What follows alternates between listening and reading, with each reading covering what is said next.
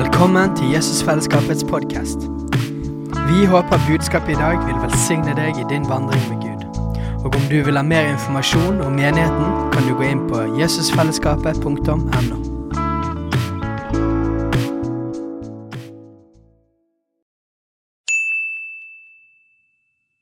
Hei! Visste du at Jesusfellesskapet starter en ny bibelskole til høsten? Den heter Jesusskolen og starter den 3. september. Gå inn på jesusskolen.no for mer informasjon.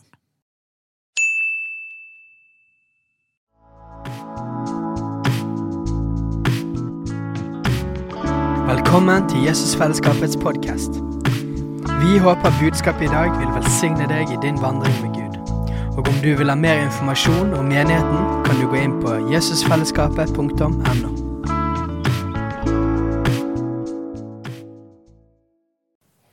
Opplever at det er en helg av gjennombrudd. At Gud vil ta oss inn i nytt, nye områder, nytt terreng. Og ta oss opp et nivå. Noen som har lyst på det, eller? Så vi sier ja til det, Jesus. Sier ja til det. Skal dele litt forskjellig i dag, men jeg kan begynne i litt i litt i historien og litt i konteksten av denne helgen med Svein. Eh,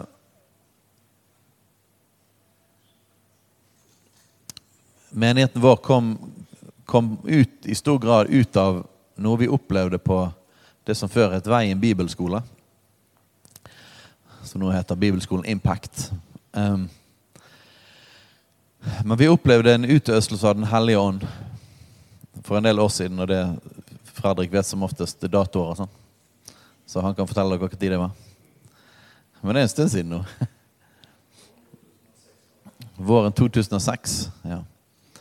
Uh, vi opplevde at Gud uh, forandret mange menneskers liv, og, og, vi opplevde at Gud kalte oss inn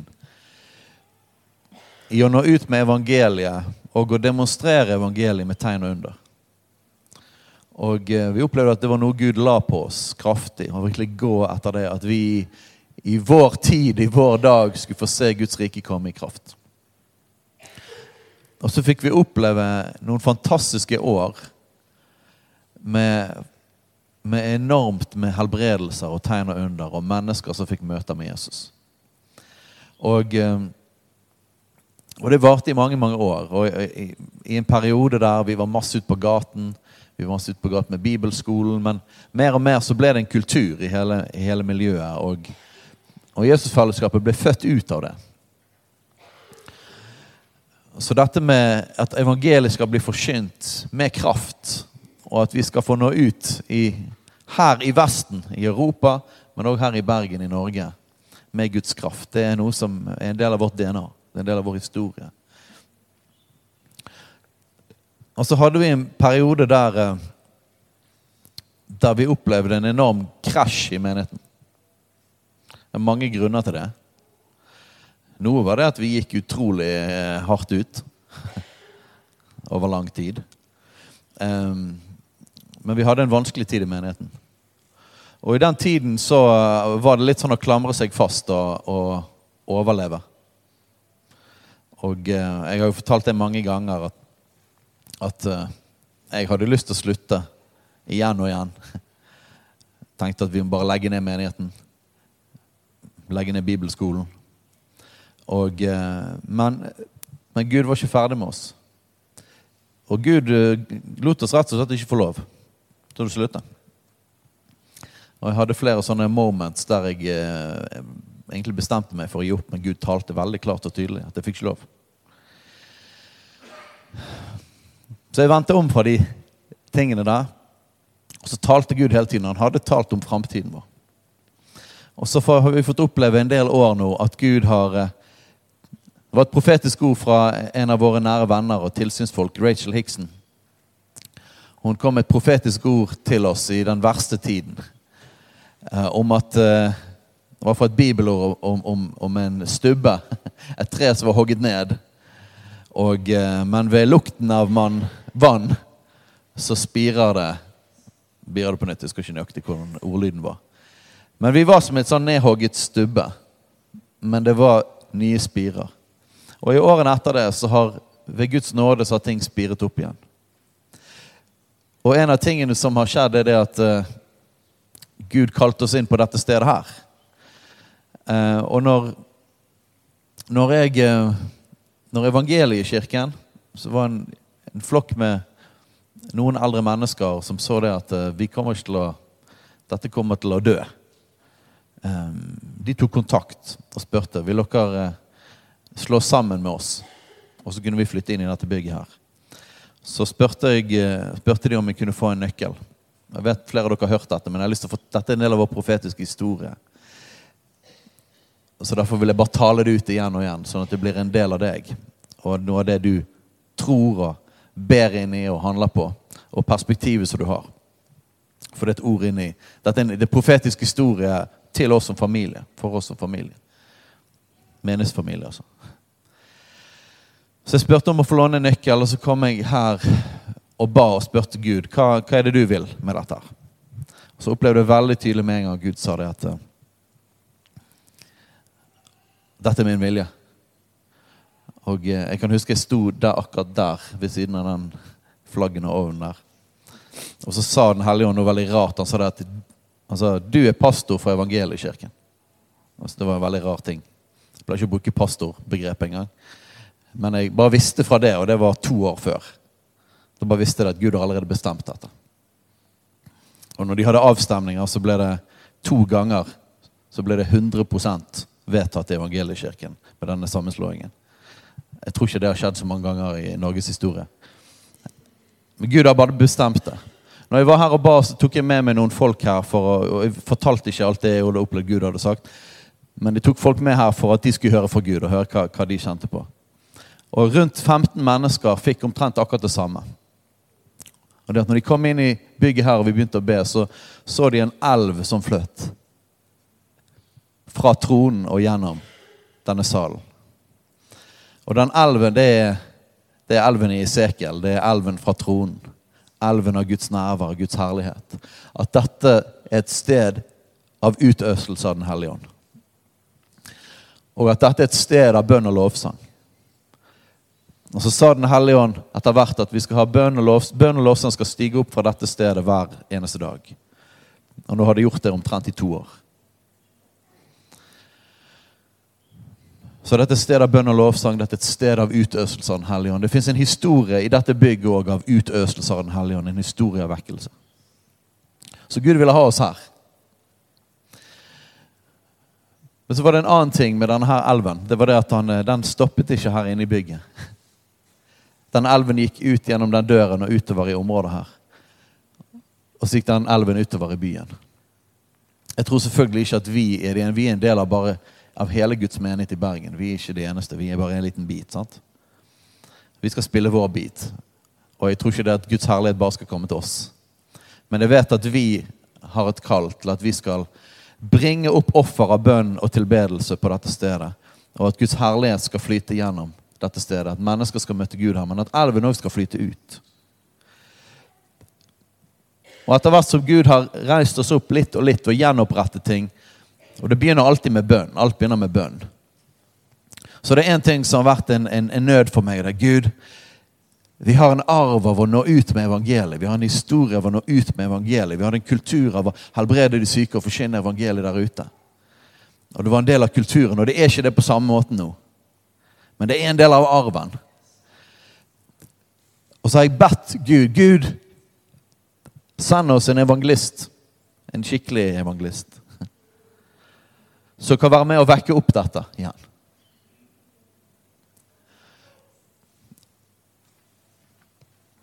Og så skal ikke fortelle alle detaljene på det, men så fikk jeg kontakt med Svein.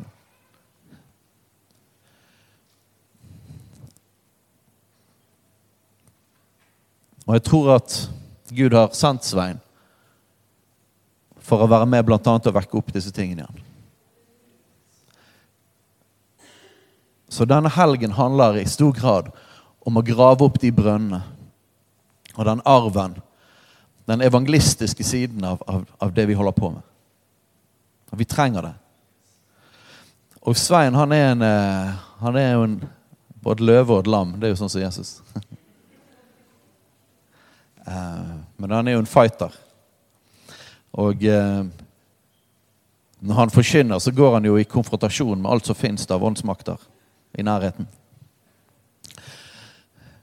Men jeg kjenner det at grunnen til det Jeg spurte Den hellige ånd på fredag kveld bare sånn, Gud, hvorfor er det så mye kamp på dette. Og så opplevde jeg at Den hellige ånd sa det er fordi at Svein går imot det største festningsverket som er i hele Kristi kropp. Nemlig at ikke vi kommer oss ut og får gi evangeliet videre. Det er et kjempefestningsverk. Tror dere at djevelen kanskje prøver å hindre at mennesker skal møte Jesus gjennom oss?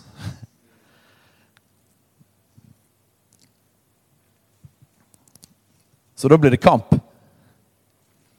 Og, og Svein sa jo det i går, og vi pratet sammen, det var masse kamp på møtet i går kveld. Og eh, vi pratet om det. Og, og hele natt så har det bare vært eh, åndskamp. Masse demoner som holdt på. Jeg syns ikke det var noe god bursdagsgave. Eh, så det var utrolig kjedelig. Jeg liker aller best å være i Guds nærvær og kjenne det. Jeg har ingen behov for å kjempe med demoner hele natten.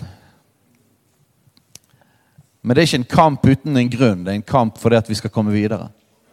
Det er en kamp for at vi skal gå inn i et nytt nivå. Jeg opplever at det var noe som ble brutt gjennom i går. Og, eh, og jeg sier dette fordi at, at du skal forstå de større linjene av ting. At vi har liksom ikke bare møter for å ha møter. Vi er på en vandring med Jesus. Og han vil ta oss til et sted.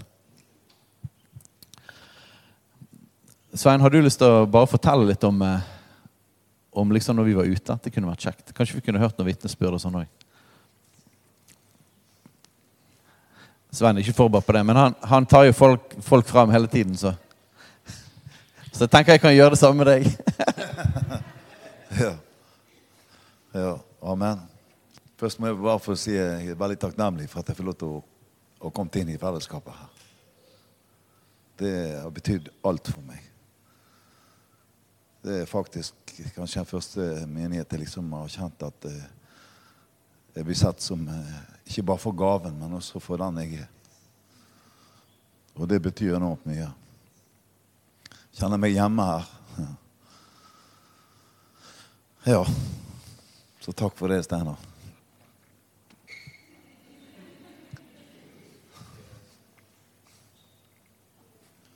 Og Fredrik og dere alle sammen.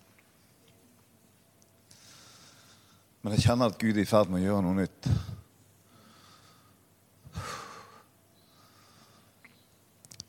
Jeg har en søster her nede som jeg vil skal komme opp. Du må komme. Kanskje du? Hun er en av de som var med på gaten i går. Jeg tenker på Det var 20 stykker her i går. Det er seier. Det er mer enn seier. Fem stykker ut av de har aldri vært på gaten før. Tenk på det. Og jeg eh, jeg ble ringt opp av eh, Kanal 10, da. Av hun Elisabeth Mork. Så jeg filmet en del i går. Så kommer til å bli sendt på Kanal 10, da. Både her oppe nedfra og der nede fra byen. Eh, og eh, det er jo bra reklame. Amen. Og det er klart det at det ikke Jeg må bare si den sammenheng, da. Det kommer til å bli kamp. Amen.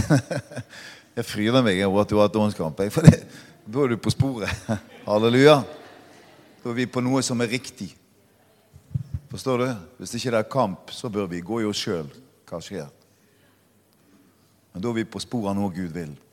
Og en av de som var med ut på gaten i går, det er en herlig søster her. Amen. Kan ikke du bare vitne litt og fortelle? Hva? Ja, men da var det på tide. Med gamle dager. Nei, jeg, jeg jeg så en, jeg traff en eh, litt eldre dame da, og så kom jeg litt snakk med henne. Og så spurte hun om det var kaffe og kake, og det ville hun ha.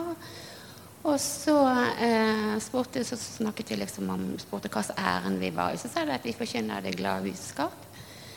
Og om hun da om hun eh, trodde på Jesus.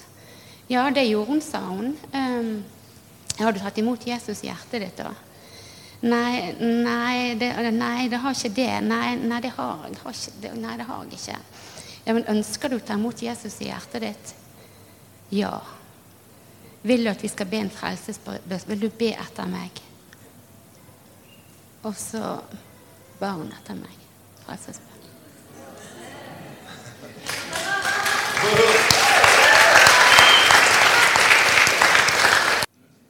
Takk, Jesus.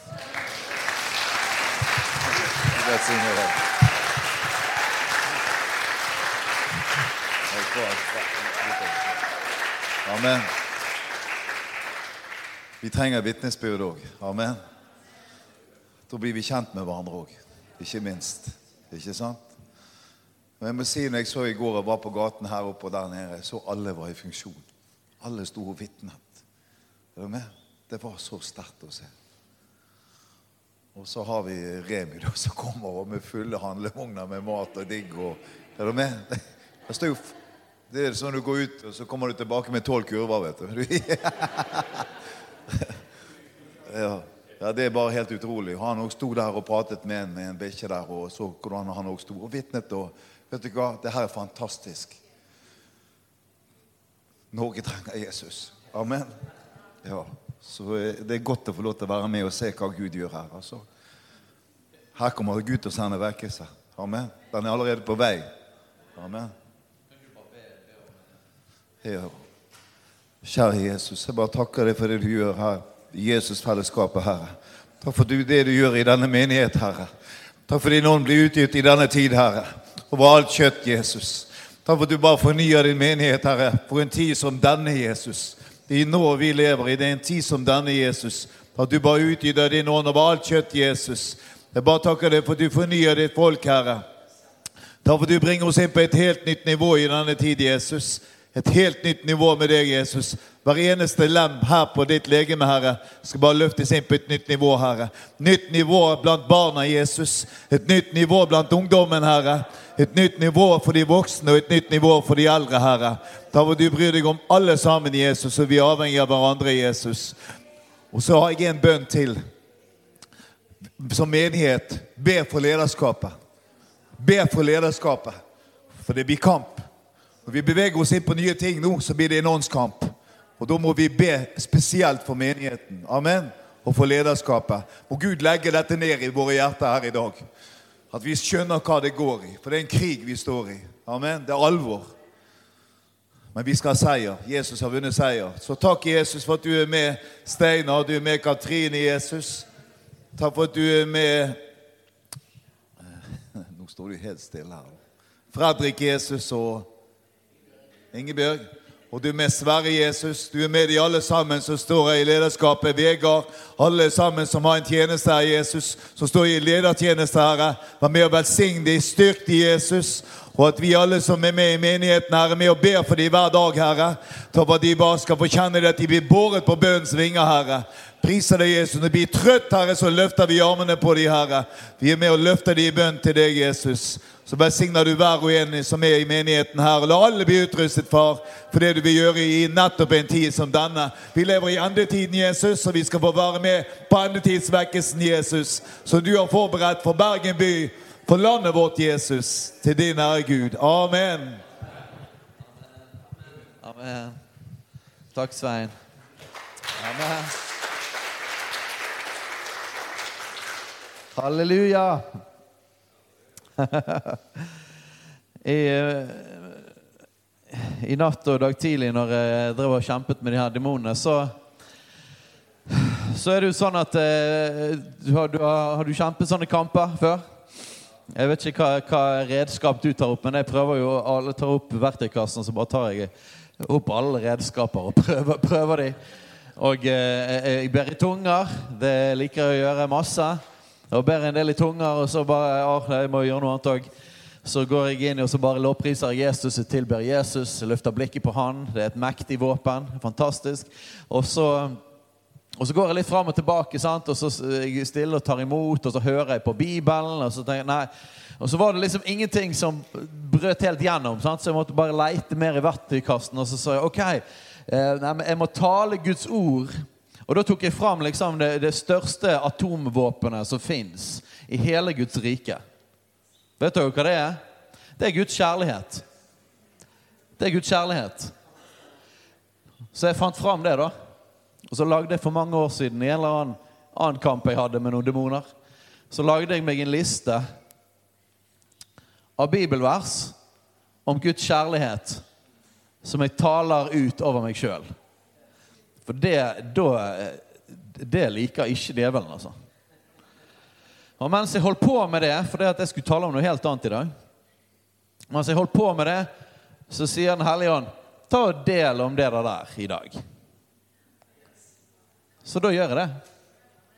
Så jeg har en, jeg en brann, folkens. Og det har kanskje noen av dere merket. Jeg har brann for at vi forkynner hele evangeliet.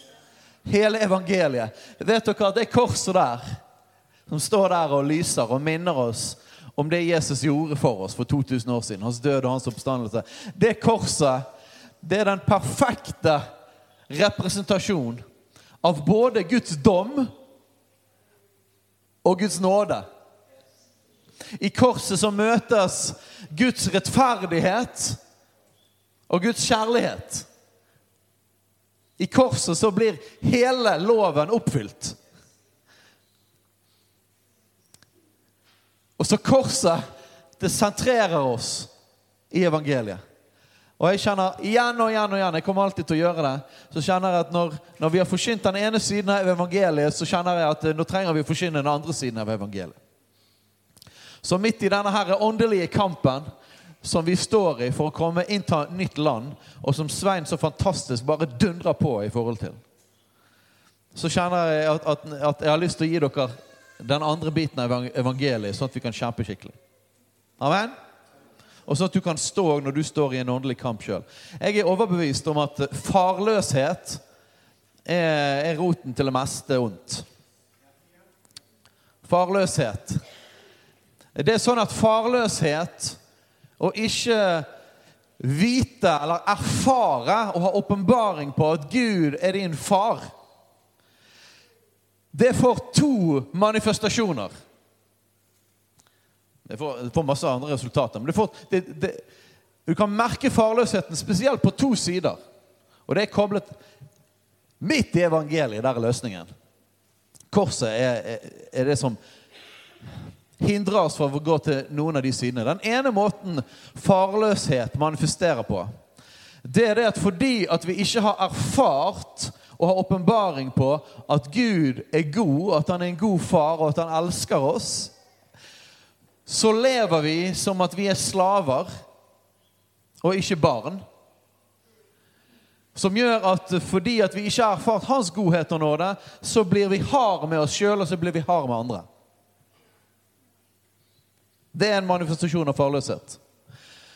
På den andre siden så manifesterer farløshet på en måte som gjør at fordi at jeg ikke har erfart at han er min far, og at han elsker meg, så er jeg redd for oppdragelse.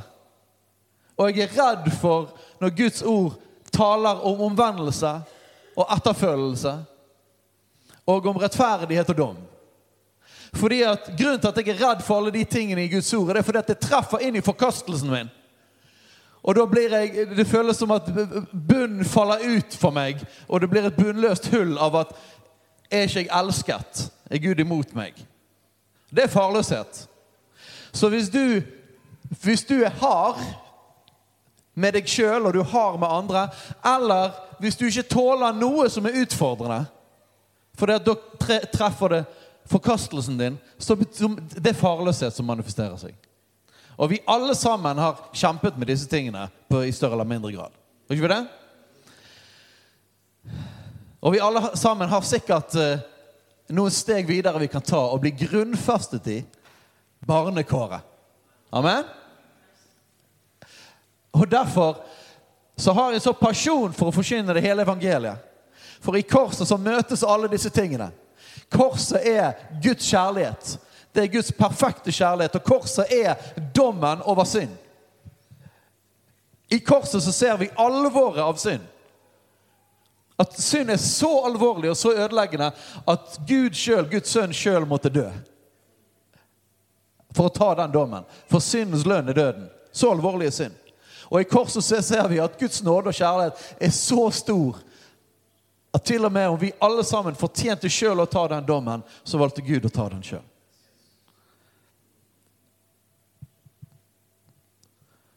Så Gud ville satt oss fri fra farløshet. For farløs, når du er farløs, så har djevelen masse åpne dører å ta deg på når det er kamp. Og Det er derfor jeg tar fram det atomvåpenet. Når, eh, når jeg kjenner at demonene pusher skikkelig på. Da tar jeg fram det. bare sånn her. Da erklærer jeg min identitet og stilling i Jesus Kristus. Og Jeg skal lese en del bibelvers, så dere eh, har printet ut en del, så dere får med dere våpen hjem.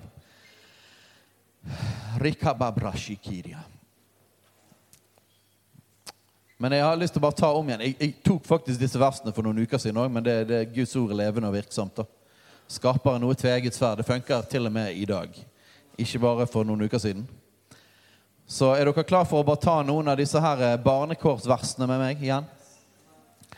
Så vi begynner i Feserbrevet kapittel 1.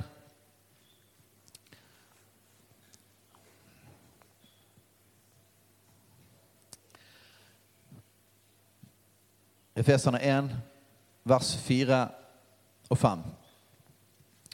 For i ham har han utvalgt oss før verdens grunnvoll ble lagt, for at vi skulle være hellige og ulastelige for hans åsyn.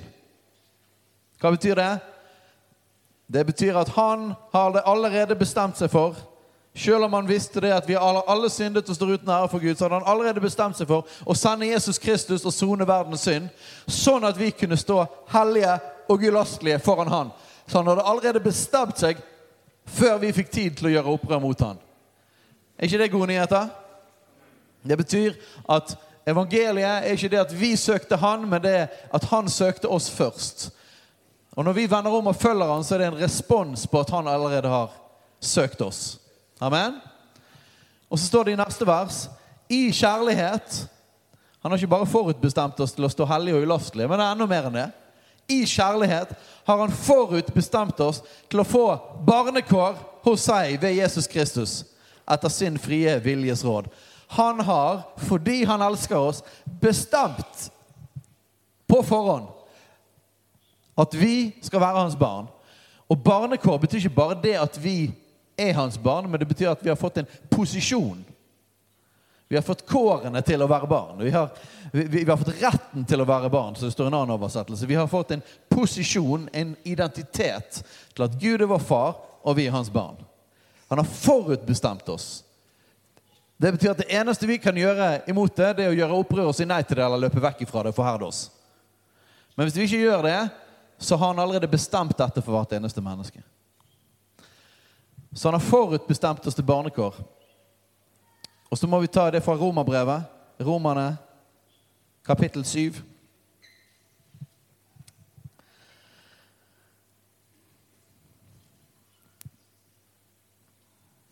Vers 15. Dere fikk jo ikke trelldommens ånd, så dere igjen skulle frykte. Ja, beklager. 8-5. 15. Dere fikk jo ikke trelldommens ånd, så dere igjen skulle frykte. Men dere fikk barnekårets ånd, som gjør at vi roper 'Abba, far'. Og du vet jo det gjerne det, at 'Abba' betyr pappa på arameisk. Så vi kan kalle Gud pappa. Det er det mest intime ordet for far. sant? Barnekårets ånd, som gjør at vi roper 'Abba, far' Ånd selv vitner sammen med vår ånd at vi er Guds barn. Så Vi har fått en ny ånd inni oss, og det er barnekårets ånd. Og den ånden som er inni oss, Den hellige ånd, barnekårets ånd, den roper pappa, og den ånd, den vet at vi tilhører han. Den vet at vi er trygge. Den vet at vi har en far som passer på oss. Den vet at han aldri slipper oss, han aldri forlater oss. Og den vet f.eks. noe som jeg siterte mye i dag, da. I dag tidlig og natt. Den ånden inni oss den vet at hvem kan skille oss fra Kristi kjærlighet? trengsel eller angst eller forfølgelse eller sult eller nakenhet, fare eller sverd. Nei, jeg er viss på at verken død eller liv, verken engler eller krefter Vet dere hva krefter er for noe? Det er demoniske krefter. Så Derfor siterte jeg det verset i dag. Jeg er viss på at verken død eller liv, verken engler eller krefter, verken det som nå er eller det som komme skal, eller noen makt, verken høyde eller dybde eller noen annen skapning, skal kunne skille oss fra Guds kjærlighet i Kristus Jesus, vår Herre. Barnekårets ånd vet det, at det er ingenting som kan skille meg. Ingenting kan skille meg fra nærhet med Gud. Ingenting kan dra meg ut i forkastelser. Ingenting kan lyge til meg og gjøre at jeg går ut av hans kjærlighet. Ingenting kan komme med forkastelse og lure meg vekk fra Jesus. Det sier barnekårets ånd. Men trelldommens ånd sier noe annet. Men vi har fått barnekårets ånd, så vi ikke igjen skulle frykte. Og vers 17 i Romerne 8, 17. Men er vi barn, da er vi også arvinger. Halleluja! Det betyr at vi har arvet alt som er hans. Og det er en del. Det betyr at absolutt alt som er i himmelen, er tilgjengelig for oss. Du vet det. Jeg skal hjem til mamma i dag, for jeg har bursdag. Og når jeg drar hjem til mamma, så vet jeg at jeg kan gå inn i skapet, og så kan jeg eh, ta snop. Det er barnekåret sånn. Det er det. Og jeg vet at eh, etter vi har spist middag, så kan jeg få med alle restene hjem. Amen. Det er barnekårets ånd. Sant? Er vi barn, så er vi arvinger. Det betyr at alt det pappa har, det det er vårt. Det er tilgjengelig for oss. Galaterbrevet.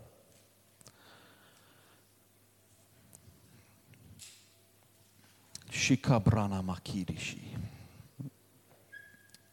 Galaterbrevet 4, vers 5. kommer vi midt inn i en setning. Men altså, Paulus han snakker jo på innpust og utpust. Har dere merket det i brevene? Altså Uansett hvor du begynner, så begynner du midt inn i noe. Han snakker jo bare i ett. Så her kommer vi inn i vers 5. For at han skulle kjøpe fri kjøpe dem fri som var under loven, så vi skulle få barnekår. Ha-ha! Vi er kjøpt fri fra loven. Er ikke det fantastisk? Vi er ikke under loven, vi er kjøpt, kjøpt fri fra loven, sånn at vi skulle få barnekår. Det er altså annerledes å ha barnekår enn å være under loven. Når vi er under loven, så er det lovens krav som kommer utenfra. Og lovens krav kommer utenfra og skaper kun fordømmelse. For at Romerne 3 sier det at ved loven kommer erkjennelse av synd. Så lovens hensikt er ikke å gjøre oss fri eller lik Jesus. Lovens hensikt er å peke på utenfra at vi ikke får det til. Sånn at vi skal komme til Jesus og ta imot evangeliet. Men når vi får barnekåret, så skjer det noe annet. Når vi blir født på ny, så blir loven skrevet i våre hjerter og vi får en ny ånd. Og den nye ånd, den vil glede sin far. Og jeg vet jeg gjentar disse tingene om igjen og om igjen, men jeg vet at dette er kanskje nummer én kampområde for enhver kristen. Det er å skille fiendens ånd av fordømmelse og skam og når fienden kommer som anklageren, å skille det fra Den hellige ånd, som oppdrar oss og gjør oss mer lik Jesus. Vi må bli flytende i evangeliet og kunne skille djevelen fra Den hellige ånd. Halleluja! Og Derfor vil vi forsyne hele evangeliet. Sånn at vi ikke skal gå til den ene eller andre siden. Så vi ikke skal gå inn i lovløshet, som er litt populært nå for tiden. Som jeg sier at Fordi Gud elsker alle, så snakker vi ikke om synd eller alvorligheten i synd. og Vi snakker ikke om omvendelse og etterfølgelse. Vi snakker ikke om at Gud òg oppdrar.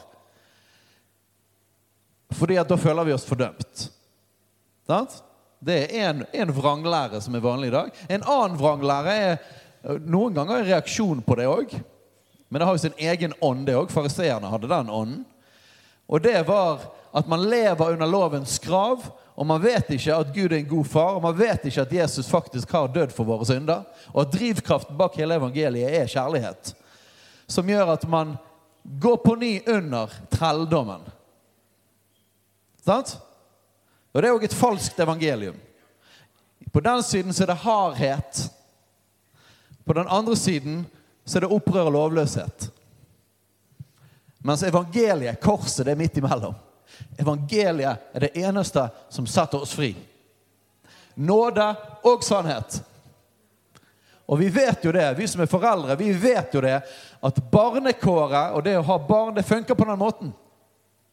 Vi vet at det finnes kanskje de to viktigste tingene vi trenger i våre barn. Det samsvarer med evangeliet.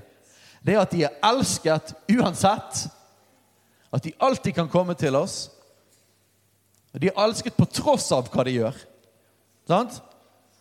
Og at de er trygge, og at vi er der for dem. At de har et sterkt, solid fundament i livet sitt. At de er elsket, og de er villet. Det er nummer én. Og det må ligge i bunn. Og nummer to er det at de får grenser og oppdragelse. Og at ikke de kan gjøre hva de vil. Og at ikke de kan leve i å forakte sin far og sin mor. Nei, de skal ære sin far og sin mor. Og dere barn, vær lydige mot deres foreldre. Og så står det òg der, men dere fedre, vekk ikke sinnet i barna. Ser du balansen? Ser dere det? Er foreldrene, vær lydige mot foreldrene, men òg ikke gå inn i Ikke være for hard foreldre. Men sett grenser, sett rammer. Det er en del av kjærligheten. Og Jeg kommer til å mase sannsynligvis om dette her helt til. Det kommer sikkert til å bli sånn som Johannes eh, når han, Husker dere Johannes, apostelen Johannes? I kirkehistorien står det om at eh, på slutten så hadde han bare ett budskap, og det var 'elsk hverandre'. elsk hverandre. Det var liksom hans livsbudskap. Jeg kommer sikkert til å sitte der med en gammel krok og bare si at vi må forsyne hele evangeliet. hele evangeliet. Det er både Guds kjærlighet og nåde, men det er òg omvendelse og etterfølgelse. Begge deler. Og det er kun det som setter fri.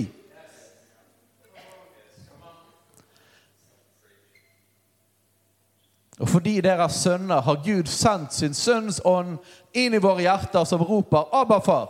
Det er jo akkurat samme som sto i romerbrevet. sant? Så er du da ikke lenger trell, men sønn. Men er du sønn, da er du arving, innsatt av Gud. Akkurat det samme som i romerbrevet. Vi er sønner, vi er sønner og døtre, vi er Guds barn. Og Da står vi solid. Og så står det i kapittel 5, vers 1 Da står det Til frihet har Kristus frigjort oss, og står derfor fast, og la dere ikke igjen legge under trelldommens åk.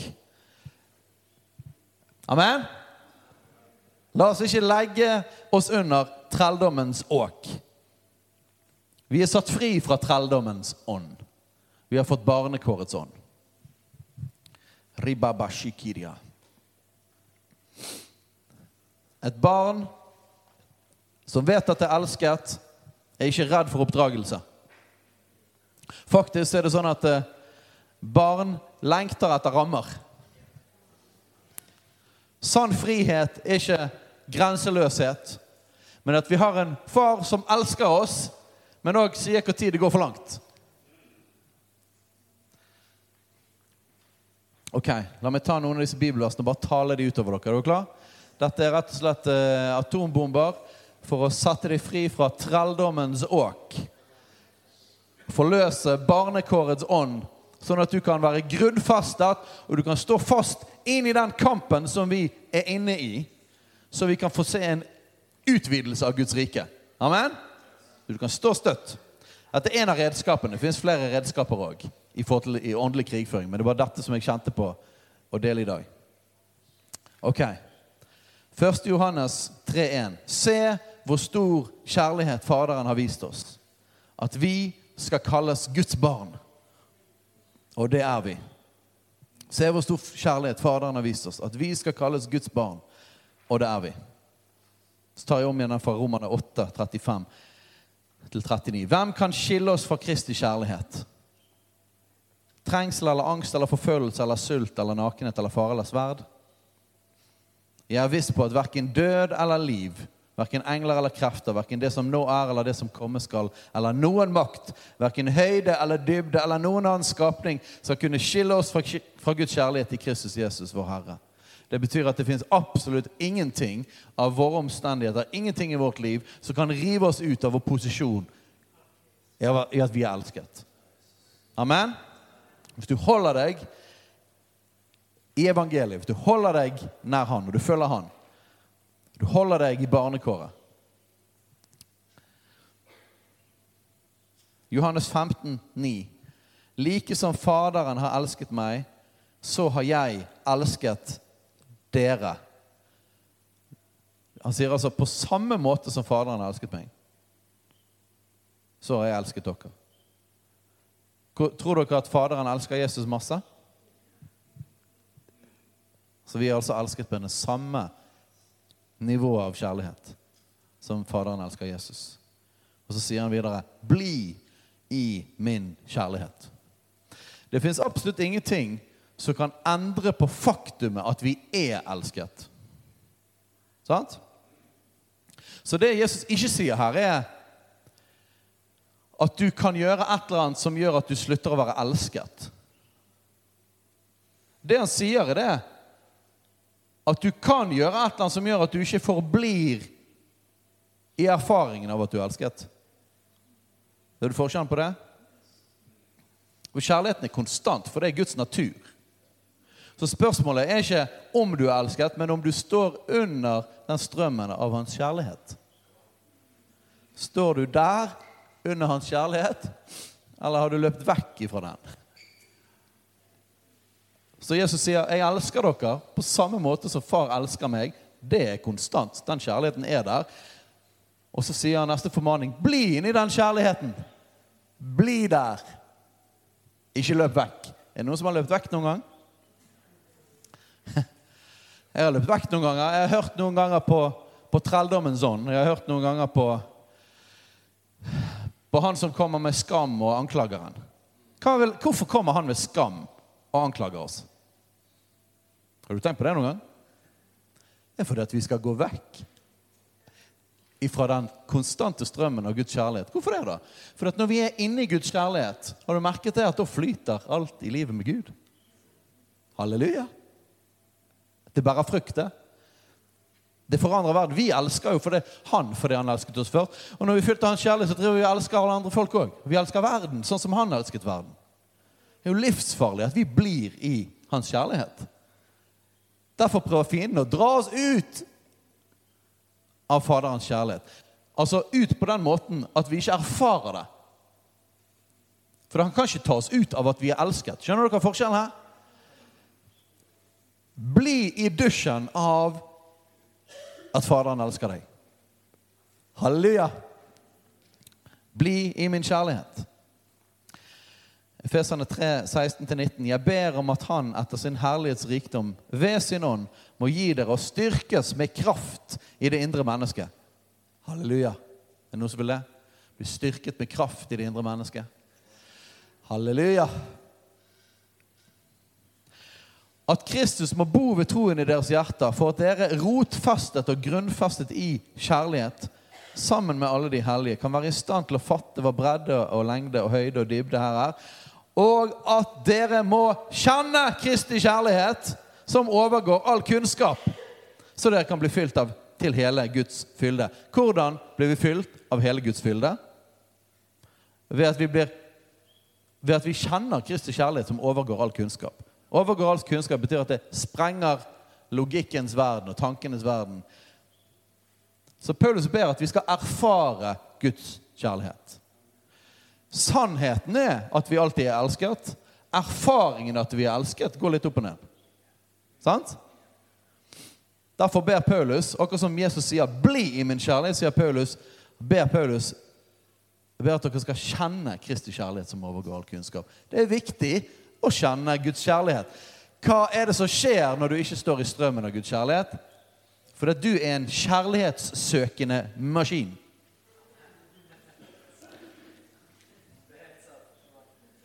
Alle mennesker er needy på å få kjærlighet. Få oppmerksomhet være elsket. Alle mennesker. Ingen slipper unna det. Hvis vi ikke står i hans kjærlighet, hvis vi ikke erfarer hans kjærlighet, så kommer du til å søke den kjærligheten et annet sted. Sånn er det bare. Så hvis du vil bli i hellighet og renhet, så bli i hans kjærlighet. Og kjenn Kristi kjærlighet, som overgår all kunnskap.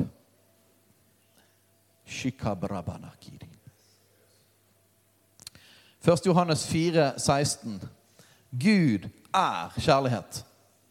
Den som blir i kjærligheten, blir i Gud, og Gud i ham. Så bli i kjærligheten. Romerne 2, 4-5. Jeg liker denne veldig godt. Men Gud, som er rik på miskunn Vet du hva miskunn er?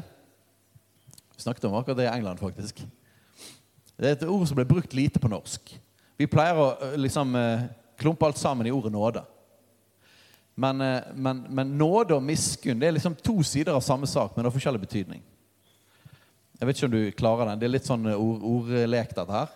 Men nåde er noe du, du får noe som du ikke fortjener. Ok? Du får noe du ikke fortjener. Det kan være f.eks. tilgivelse av synd. Det er altså at Vi får en nåde vi ikke fortjener. Men, men Bibelen bruker ordet nåde mye videre enn det. Vi får òg nåde til f.eks. Paulus sa at han hadde fått nåde til apostelgjerning. Sånn at du får nåde når du står i en vanskelig situasjon som du ikke klarer, så får du nåde fra Gud til å stå gjennom det. Sånn? Nåde er overnaturlig liv og kraft. Og tilgivelse. Som vi ikke fortjener, som vi får fra Gud. Miskunn, hva er det for noe? Miskunn er det at vi slipper å få noe vi fortjener. Og miskunn er mye mer koblet på det vi pleier å bruke ordet nåde til, nemlig tilgivelse av synd. Vi slipper å få straffen vi fortjener. Det er miskunn. Halleluja. Og her står det at Gud er rik på miskunn. Det betyr at han har et lager fullt av miskunn. Er det noen som er glad for det? Er det noen som har forsynt seg litt av det lageret noen gang? Halleluja. Men sånn er det å ha barnekåret. Fordi at vi er arvinger, så vi, får vi lov til å forsyne oss av miskunn når vi trenger det. Amen? Han er rik på miskunn, men Gud som er rik på miskunn, har på grunn av sin store kjærlighet Det betyr at hans kjærlighet er svær. Og jeg ser òg for meg et sinnssykt svært lager av kjærlighet. På grunn av sin store kjærlighet, som han elsket oss med. Som han elsket oss med. Hva, hva, betyr det? Først sier han at han har noe svært, og så sier han at han har brukt det på oss. Og jeg pleier å tenke når jeg leser det verset, tenker jeg I have a gun, and I'm not afraid to use it. Så Gud har kjærlighet, og han bruker den på deg. Halleluja. Så ikke har, det er ikke bare at han har det, han bruker den. Han utøser den. Det er nok av den til deg for at du skal få del i den.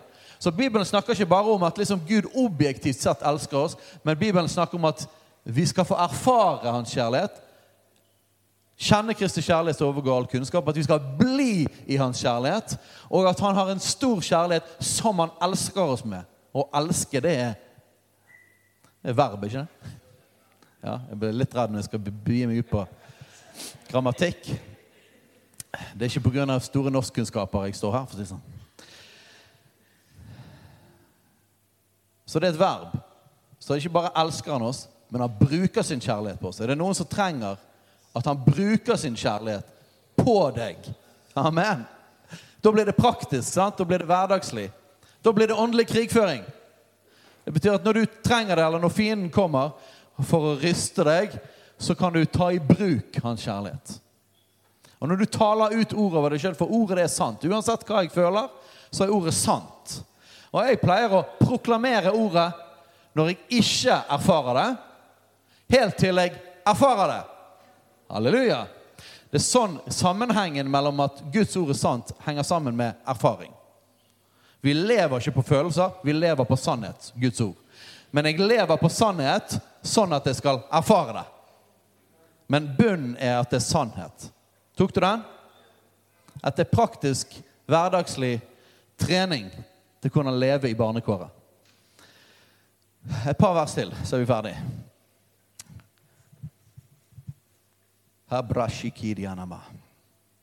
1. Johannes 4, vers 9-10. Ved dette ble Guds kjærlighet åpenbart iblant oss, at Gud har sendt sin enbårne sønn til verden for at vi skal leve ved ham. I dette er kjærligheten. Ikke at vi har elsket Gud. Woohoo! ikke det gode nyheter? Så essensen av kjærligheten det begynner ikke med oss. da. Det begynner med Han. I dette har kjærligheten ikke at vi har elsket Gud, men at Han har elsket oss og sendt sin sønn til soning for våre synder, som er beviset på hans kjærlighet. Korset er beviset på Guds kjærlighet. Romerne 5,5. Guds kjærlighet er utøst i våre hjerter ved Den hellige ånd som er oss gitt. Igjen et vers til bruk av Guds kjærlighet. Sant? Så Guds kjærlighet er ikke kun en konstant, objektiv, fjern ting. For det er litt kjipt hvis sånn at ja, Gud elsker oss, men det har ingen effekt for meg. ikke det litt kjipt? Da blir det bare en teologisk sannhet. Nei, Bibelen sier mye mer enn det. Det er sant, og derfor kan vi erfare det. Amen? Og vi vet jo veldig godt dette fra, fra det naturlige livet. Det er jo noen som har sagt, Spesielt i gamle dager så var de jo gode på dette her. Da sa de jo sånn at eh, jeg trenger ikke å si at jeg elsker deg, for jeg sa det når jeg giftet meg, og jeg har ikke forandret mening. Er det noen som har tro på at det er en god måte å fungere på? Nei. Det må sies, fordi at når vi taler det ut, så får vi erfare det. I en god relasjon, i en ekteskapsrelasjon, i foreldre-barn-relasjon, så trenger vi å erfare kontinuerlig at vi er elsket. Amen? Og det er på samme måte i relasjon til Gud. Så Guds kjærlighet er utøst i våre hjerter ved Den hellige ånd, som er oss gitt. Halleluja! Åndens frukt er kjærlighet. Og så er det flere tingene. Så det betyr at når vi blir fylt av Ånden, Guds kjærlighet er utøst i våre hjerter ved Den hellige ånd, så blir vi fylt av kjærlighet. Det er når vi blir fylt av kjærlighet, vi òg kan være i stand til å elske Gud og elske hverandre. Ok. Vi får ikke tid til alle, så vi tar dette til slutt her. Og det passer jo veldig godt i, i åndelig krigføringsøyemed. Judas, vers 20-21. Det er bare ett kapittel der. Men dere kjære, oppbygg dere på deres høyhellige tro. Be i Den hellige ånd, og hold dere slik i Guds kjærlighet. Hoho! Halleluja! Der ser du koblingen mellom å leve i barnekåret og å bruke og be i ånden, altså tungetale. Den som taler i tunger, oppbygger seg sjøl. Dere har hørt eh, det sagt noen ganger her. Den som taler i tunger, oppbygger seg sjøl. Hvordan er det vi blir oppbygget når vi taler i tunger?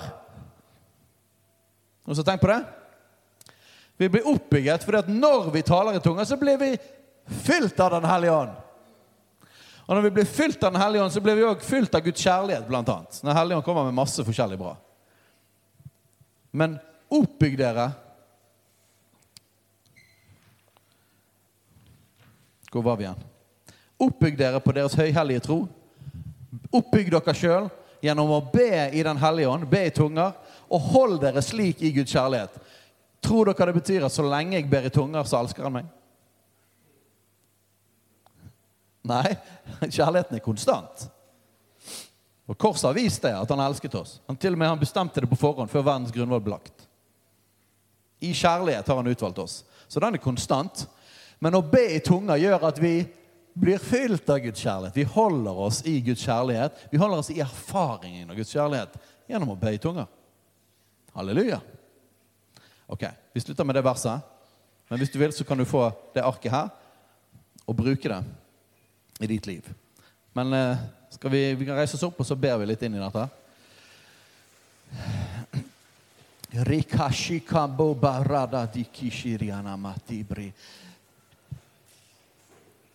Jeg bare så Akkurat nå så så jeg at det var noen hender som ble holdt over hodet til noen. Og det tror jeg var en demonisk hold i tankelivet. Av trelldommens ånd. Så i Jesu Kristi navn tar jeg autoritet over de åndsmaktene som holder sinnet vårt fanget. Hei, alle sammen. Det er Katrine og Steinar Lofnes her. Vi er hovedledere for Jesusfellesskapet. Så kjekt du har lyttet til denne podkasten. Har du forresten hørt noen av de andre podkastene våre? Ukens tale, Disippelskolen, Hyrdepodden, Kulturkrigen og Mammas hjerte. Du finner disse podkastene på Spotify, Apple Podkaster og på nettsiden vår jesusfellesskapet.no.